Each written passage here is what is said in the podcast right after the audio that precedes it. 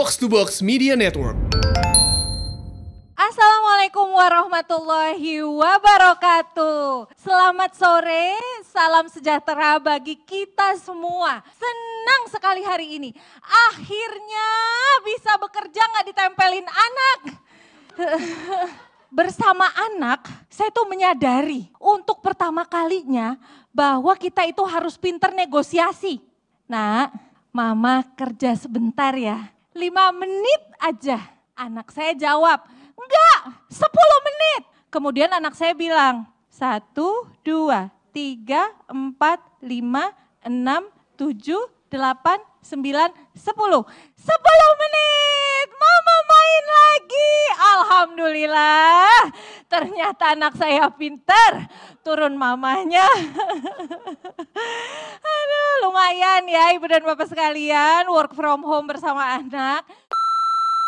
Terus kita masih tanya gitu, kenapa bagi perempuan itu susah banget untuk maju? Masih susah. Nih ya saya ceritain pengalaman. Bulan lalu ibu saya menerima undangan pernikahan ya, undangan pernikahan. Mempelai prianya bergelar master. Mempelai wanitanya tuh belum lulus SMA. Saya akan ngelus dada ya. Ya Allah mas, Anda itu mau jadi suami apa guru privat? sampai hari ini tuh ya kita masih mendengar korban kekerasan seksual misalnya dinikahkan dengan pelakunya. Ya Allah, ini tuh ibarat orang kolesterol sudah tinggi diinfus minyak jelantah. Setruk mas, solusi. Aduh, begitu banyak yang kita alami. Masih banyak PR untuk kita.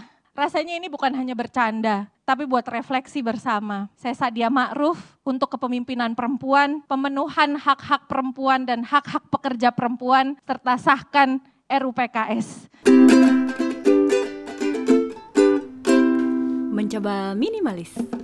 Yes, mencoba minimalis mengurangi yang gak perlu. Selamat Hari Kartini, bangkitlah Kartini-Kartini baru Indonesia. nah, lo tadi baru aja dengerin beat stand up dari Sa'diah Ma'ruf dari Magdalene's Women Lead Forum 2021. Nah, buat yang belum tahu nih, Sa'diah Ma'ruf adalah stand up komik perempuan yang masuk dalam daftar 100 BBC Women 2018. Wih, mantap ya. Menurut gue, ini adalah episode yang pas banget nih dikeluarinnya sama Ramadan dan Hari Kartini. Karena saat dia akan nyeritain sisi dia yang belum pernah banyak diceritain sebelumnya. Buat temen yang belum tahu nih, di balik lucunya dia, ternyata dia juga nyimpen luka. Dia menjadi saksi dan mengalami sendiri kekerasan dalam rumah tangga atau domestic violence. Mudah-mudahan ini bisa jadi pembelajaran ya buat kita semua. Puri kebetulan bisa ngobrol bareng nih sama dia karena mereka satu event. Dan sebelumnya kita mau minal-minal dulu ya guys ya. Kalau audionya dirasa kurang maksimal, karena waktu itu ngerekamnya juga di tempat terbuka. Tapi mudah-mudahan kontennya bisa tetap jos ya. Hehehe. Yuk kita dengerin sama-sama. Hello producer, editor, hi. so yeah, here we go. Oke, jadi gue akan mulai dengan kasih konteks ya buat temins yang mungkin belum tahu awal perkenalannya gue sama Sa'diah nih dan kenapa akhirnya ada episode ini. Jadi gue kenal Sa'diah ini dari ngerjain project documentary namanya Hijab Nation, tapi akhirnya mangkrak. Semoga bisa diaktifin lagi nanti. Tapi ternyata dalam perjalanannya cerita yang gak ada hubungannya dengan film itu menurut gue lebih menarik soal kompleksnya hubungan dengan ayah. Nah, dia coba deh cerita untuk temins yang gak banyak yang tahu ya tentang ini. Relasi kamu sama Abah tuh gimana sih? Kalau ngomong Abah itu mixed feelings karena begini, Abah saya adalah orang yang mengajarkan saya bahwa perempuan itu harus menjadi versi terbaik dirinya. Abah saya itu yang sejak saya kecil mendorong saya untuk belajar macam-macam bahasa karena itu windows of the world. Uh, sebagai informasi latar belakang, abah saya itu pelaut, nakoda kapal kargo. Jadi he's been traveling uh, around the world dan menginginkan anaknya juga punya kemampuan yang besar gitu. Kemudian abah saya juga penggemar strong women character gitu, strong women character. Karena kami biasa nonton di TV konser Alicia Keys dan sebagainya dan abah saya juga sangat-sangat suka gitu sosoknya sosok-sosok perempuan yang kuat kayak gitu. Oh, who would have thought ya? Who would have thought? Who would have thought? Orang yang Uh, uh. di balik apa ya label-label yang kita tahu dan stereotip Uh-uh, Arab konservatif abah-abah gitu ya abah-abah Arab gitu Uh-uh, uh-uh. kami tuh sukanya uh, waktu itu zamannya belum ada OTT ya belum ada kayak Netflix segala macam yang na- nayangin konser-konser nayangin film-film dengan legal dan mudah. Kami tuh dulu mengakses hiburan yang rada eksklusif gitu kan dari uh, courtesy of DVD bajakan kan dulu tuh. Ya nggak sih film-film yang apa film-film festival dulu itu. Aku nonton Marjane Satrapi Serius Oh iya, DVD bajakan, DVD bajakan, DVD bajakan. Enggak, enggak, enggak. Kalau yang itu, kalau yang itu enggak. Tapi kami tuh dulu nontonnya Avril Lavigne. Seriously, konser Avril Lavigne gitu. Ah, ikut nonton bareng dan suka dan suka dan hafal gitu. Ya uh, on on his day off lah kayak gitu. Jadi abah tuh yang memperkenalkan saya dengan semua itu gitu. Sosok uh, apa uh, perempuan tuh harus kuat perempuan tuh harus pinter. Abah tuh yang selalu mendorong saya untuk berolahraga, fitness, martial art segala macam. Nggak kejadian, nggak kejadian karena minat saya nggak ke sana. Minat saya lebih ke seni dan akademis kayak gitu. Tapi inget banget tuh disuruh olahraga, disuruh fitness segala macam. Nah, abah saya juga yang mengajarkan saya bahwa above all else you have to be happy gitu. Karena abah tuh at the end of every conversations pasti nanya tapi kamu happy kan? gitu. Tapi kamu happy? Itu yang aku inget banget dan mudah-mudahan bisa kuariskan ke anakku. Nah on the other hand sesungguhnya sebagian dari diri beliau gitu dari abah almarhum dan uh, bagaimana beliau mengelola keluarganya uh, yang berarti ibu dan kami berdua saya dan adik adalah salah satu sumber ketidakbahagiaan itu sesungguhnya gitu. No, it breaks my heart ya untuk untuk menceritakan itu gitu. Abah yang selalu mengingatkan saya untuk selalu bahagia, tapi kamu happy karena you happy selalu gitu. Pas saya kuliah luar kota juga nelfon, are you happy? Are you happy? Itu pertanyaannya seperti itu. Yang bagi saya akhirnya saat ini di masa sudah sangat berjarak dengan abah dan nggak bisa dekat lagi. Mudah-mudahan nanti dikumpulkan di akhirat uh, kalau keyakinan kita sebagai orang muslim.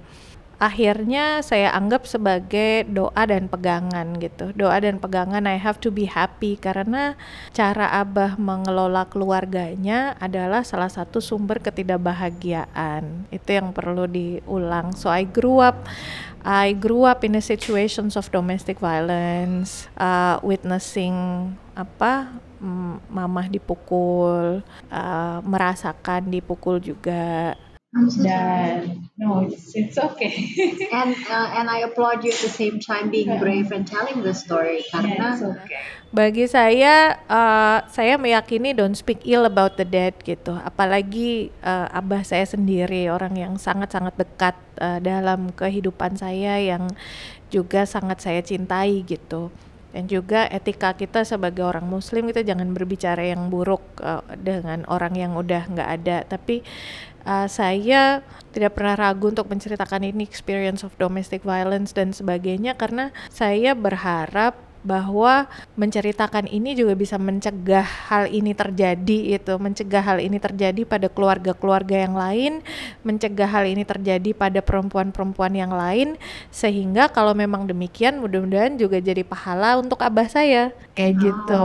and you believe dan that ya, I believe that I I believe that and I believe that dan basically in our relationship with God ini kita nggak ngomong agama ya our relationship with God itu very very personal gitu very personal dan dan we have the right to believe in whatever it is that we want to believe in in our personal relationships with God. Karena kita percaya bahwa Tuhan menyayangi kita, kita percaya bahwa Tuhan dengerin kita, kita meyakini hal-hal tertentu seperti tadi yang di luar agama bilang bahwa tuh nggak boleh bilang jelek soal uh, orang yang udah nggak ada kayak gitu. Ya itu yang yang yang aku yakini sehingga uh, hidup yang sekarang gitu terlepas dari uh, trauma yang kadang-kadang juga masih masih muncul gitu. Yang aku pegang yang Abah bilang bahwa you have to be happy itu aja gitu. You have to be happy yang itu jadi jadi kekuatan saya sampai sampai sekarang ini dan you know what? Saat dia itu artinya happiness. Oh, full circle. Full circle. Nah, dan ini kita baru mulai loh obrolannya. Kayak kayak udah closing yang yang dramatis gitu. Iya, yeah, we have just begun gitu. Dan uh, percayalah ya kalau nggak salah satu kita akan ditelepon karena anaknya bangun dan suami kita mengibarkan bendera putih. Kayak kita bisa ngobrol sampai besok sih. Iya, iya, iya, iya, it's been a while, it's been a while. Dia aku makasih banget loh kamu mau cerita kayak gini dan dan jangan sungkan ya untuk kasih tahu aku kalau ada hal yang gak nyaman untuk diceritain. Tentunya segala doa terbaik untuk almarhum Abah. Uh, semoga beliau berkenan ya kita ngobrol kayak gini demi pembelajaran. Nah, setelah kamu dewasa dan ngeliat kejadian ini dengan kacamata sekarang, menurut kamu relasi ayah ke ibu gimana? Karena sepertinya beliau itu progresif dalam membesarkan kamu, tapi konservatif ke istrinya. Menurut kamu gimana? Uh, saya kira gini, kita nggak adil untuk melihat dan ini yang saya yakini gitu ya. Kita nggak adil untuk melihat apa yang terjadi di masa lalu, generasi masa lalu dengan kacamata generasi sekarang, feminisme dan sebagainya kayak gitu. Itulah yang namanya kemajuan dari satu generasi ke generasi yang lain. Ini saya mau cerita gener generations of women di di uh, keluarga saya. Saya kira yang lebih penting gitu daripada judging uh, generasi masa lalu itu ya daripada judging generasi masa lalu dengan ukuran sekarang, yang lebih penting adalah bagaimana kita mencegah apa-apa yang terjadi di masa lalu untuk tidak terjadi sekarang gitu. Salah satu hal yang diwariskan dari nenek saya adalah keyakinan bahwa perempuan itu harus mandiri finansial. Uh, mama saya kemudian adalah salah satu dari sangat sedikit perempuan di kampungnya di uh, kampung kami ya. Saya masih tinggal di situ sampai saat ini yang uh, sudah sarjana gitu, yang bisa kuliah sampai sarjana dan menikah setelah sarjana, persis sebelum jadi sarjana, to be exact kemudian dilanjutkan lagi dengan saya gitu kan dilanjutkan lagi dengan saya yang uh, mencapai pendidikan yang lebih tinggi lagi sudah S2 bisa berkiprah sampai internasional dan sebagainya saya kira itu yang harus kita hormati gitu. Itu yang saya kira yang namanya uh, progres. Nggak bisa menilai masa lalu dengan standar masa kini. Nah, in relation to your questions, bagaimana hidup uh, abah saya dan mama saya standar rumah tangga di masa lalu itu nggak apa-apa suami mau gimana juga. Yang penting setia tanggung jawab sama keluarga. Abah saya itu tadi he's a paradox. Karena dengan semangat progres itu dengan semangat progres meyakini progres abah mama sebagai suami istri bagi saya sudah sangat progresif dibandingkan dengan uh, orang-orang uh, di komunitas kami gitu. Tanpa mengamini kekerasan sedikit pun. Karena sampai hari ini saya berdiri juga untuk melawan kekerasan terhadap perempuan gitu ya. Dan itu yang membuat saya oh ya udah rumah tangga yang dibikin sekarang jadi harus emang memutus sama sekali semua itu kayak gitu. Kamu dapat pemahaman empati dan juga pemaafan ya yang mungkin nggak langsung seketika sih dalam satu titik ya. Kira-kira itu pas kapan kurun waktu kapan gitu ya dan umur berapa? Uh, saya boleh bilang hari ini enggak, Cie? Iya, boleh bilang hari. Lo enggak, ini ini komplimen kepada kepada Puri jadinya gitu kan. Jawaban yang bagus tuh muncul dari pertanyaan yang bagus. It's the questions that matters gitu. It's the question that matters. Butuh waktu lama karena uh, ada masanya gitu ya, ada masanya. Karena gini, makanya zero tolerance to violence gitu ya. Zero tolerance to violence. Ketika itu ber unbearable bagi mama saya itu tetap unbearable bagi anak-anak gitu. Ketika denger ringtone HP ku tuh takut.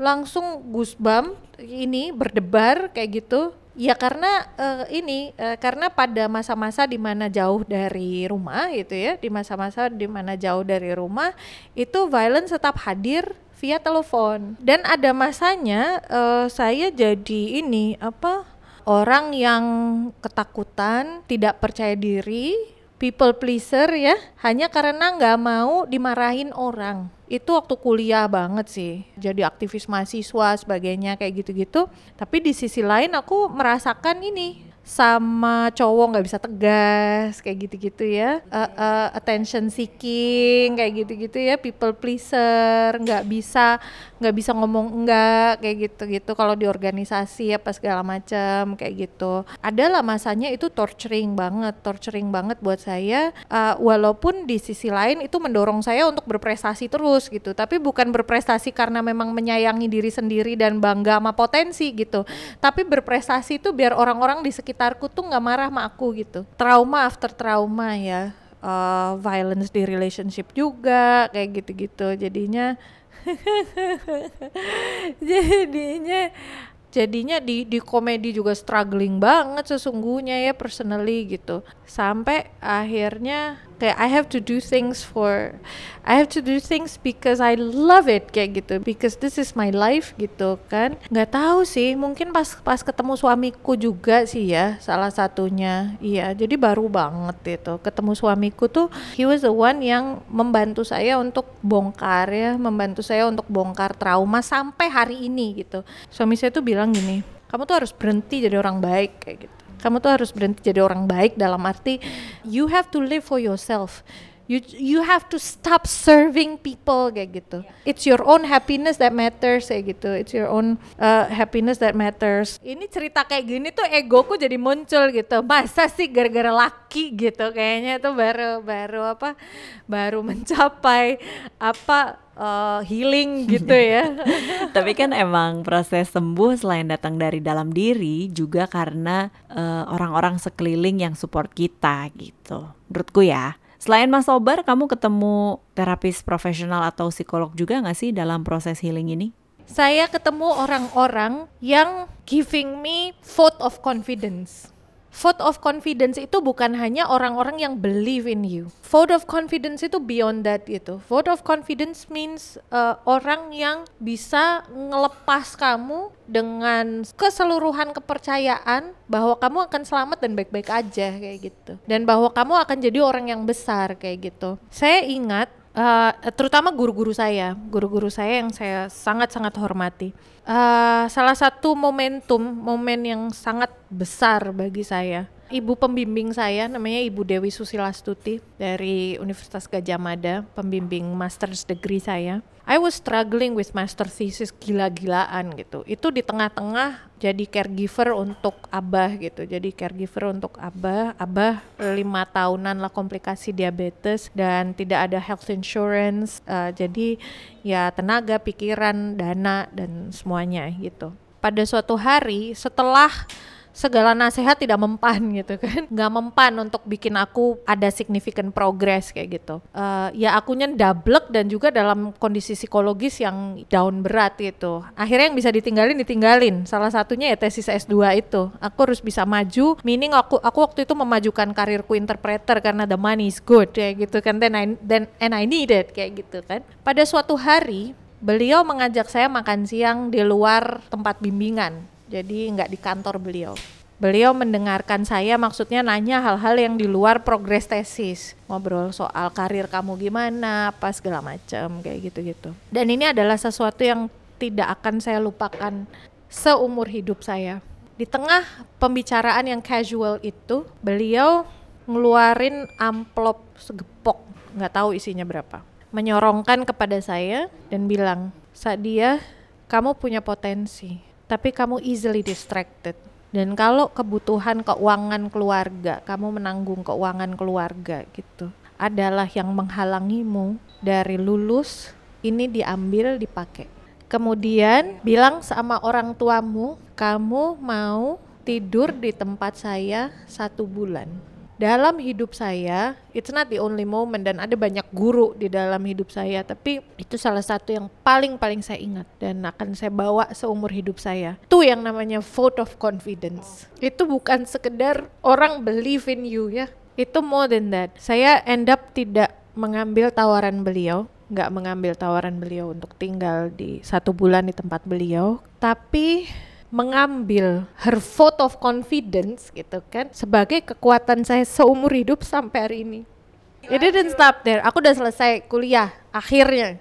Bu Dewi bilang Bu Dewi tahu ada satu orang toxic relationship in the past dan she knew that I'm struggling juga dengan dengan abah dan sebagainya. Dan dia bilang kamu harus nikah bukan dalam konteks kapan nikah kapan nikah yang sering dibicarakan di media sosial saat ini yang I'm sick of it kayak gitu ya. Beliau bilang kamu harus nikah tuh bukan dalam konteks itu bukan dalam konteks saya perempuan sudah S2 mau apa lagi nggak?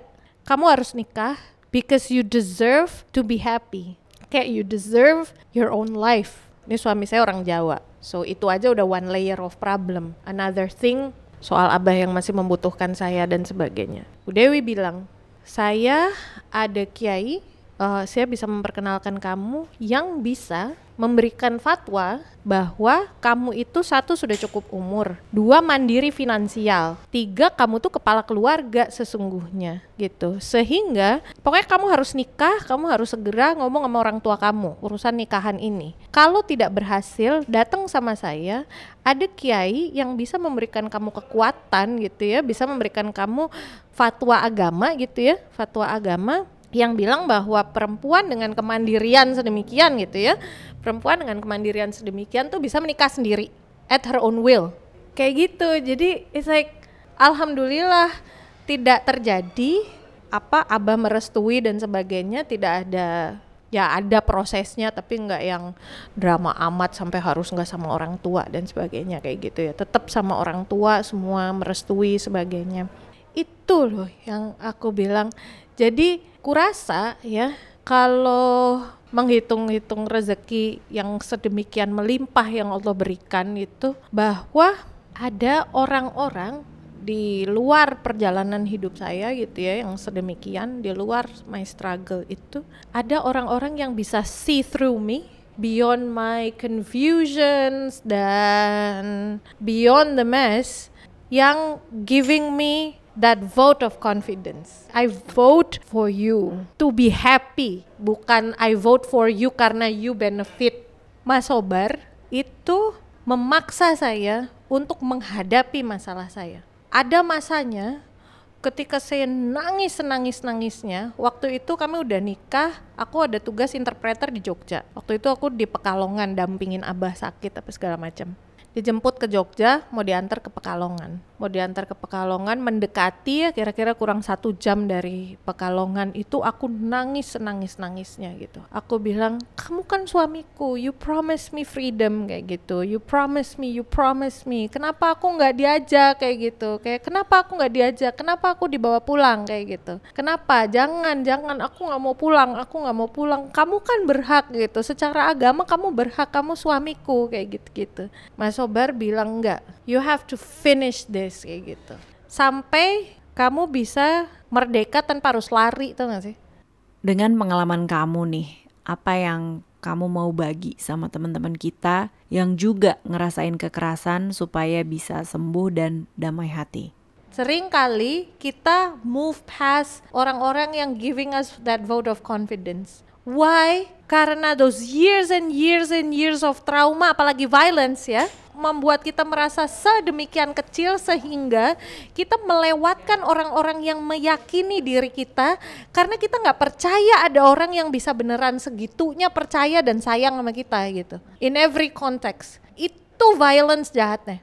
Itu bikin you menghilang aja gitu zombie ya hidup tapi nggak hidup gitu ini trigger warning buat yang buat yang buat yang dengar tapi I feel you I see you because I've been there I think having people yang bisa see through you It's not a privilege. Hanya kita sering ngelewatin aja gitu. Violence itu nggak stay di ingatan. Violence stays in your blood. Changes you forever. No turning back. Kita hanya mampu face it, deal with it, heal pelan-pelan, menerima kalau kapan-kapan traumanya muncul, mengatasinya dengan segera gitu ya karena udah tahu caranya mengatasi. So that number one, eksternal. Number two, saya kira ini yang bisa dicoba juga buat yang mendengarkan gitu ya. Saya kira yang faktor dalam saya gitu ya, yang faktor dari diri saya sehingga orang-orang di luar itu juga bisa tarik menarik lah ya, see through me dan sebagainya itu saya orang yang seberapapun ragunya dan ini bisa dicoba gitu, seberapapun ragunya nggak pernah see myself berhenti tertunda tuh jelas kayak gitu. Tertunda tuh jelas. Tapi saya tahu misalnya nih struggling dengan tesis S2 misalnya. Sampai harusnya sudah lulus doktor ini baru lulus master gitu. Struggling dengan tesis S2 ngurusin orang tua dan sebagainya sebagainya. Tapi I know deep down inside, seberapapun saya procrastinate, seberapapun saya in denial, seberapapun saya bangga dengan oh karir interpreter sebagainya lupain aja, saya tahu saya akan lulus, saya tidak akan ninggalin ini gitu. Dan itu bagi kita semua yang going through going through struggle, going through difficult time, kalaupun bisa kasih practical tips ya, keep going, try new things. Yang ini doesn't work, yang itu. Keep going dan have that in you. Saya merencanakan misalnya punya show tunggal,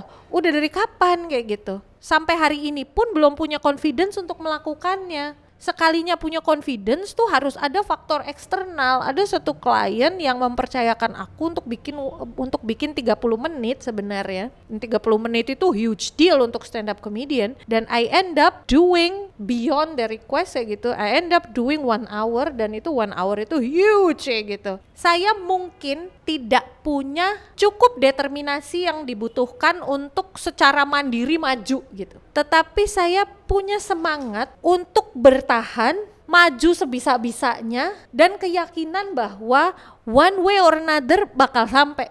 Soalnya kalau determinasi, I don't think that aku punya seperti yang di motivasi-motivasi itu gitu. You you gotta have structure in life, you gotta have whatever five years plan, ten years plan dan dan sebagainya kayak gitu-gitu. Semakin tua juga sudah semakin banyak penyesalan karena waktu yang terbuang, karena tidak percaya diri, takut dan sebagainya. But here I am, pasti bisa lah gitu. Tah kapan? Tah siapa yang bantuin? But I make things happen. Stay alive, stay alive, stay alive. Uh, if ever, and I will see have moments with self doubt, I will listen to this. tuh jadi ya ya ya itu ya namanya teman minimalis. ya ya ya Sadia Ma'ruf, terima kasih banyak waktunya, energinya, ceritanya, dan nyempetin ketemu aku dalam trip ke Jakarta ini. Doaku untuk kamu dan anak perempuanmu, anak perempuanku juga, kita semua yang perempuan, supaya diberikan kehidupan lebih baik dari generasi yang kemarin-kemarin. Seringkali di Ramadan dan Lebaran kita cerita soal maafin orang lain, tapi karena kamu, sepertinya kita diingetin juga untuk maafin diri sendiri. Jadi makasih ya. oh thank you thank you so much Bye for now. bye dah Mencoba minimalis.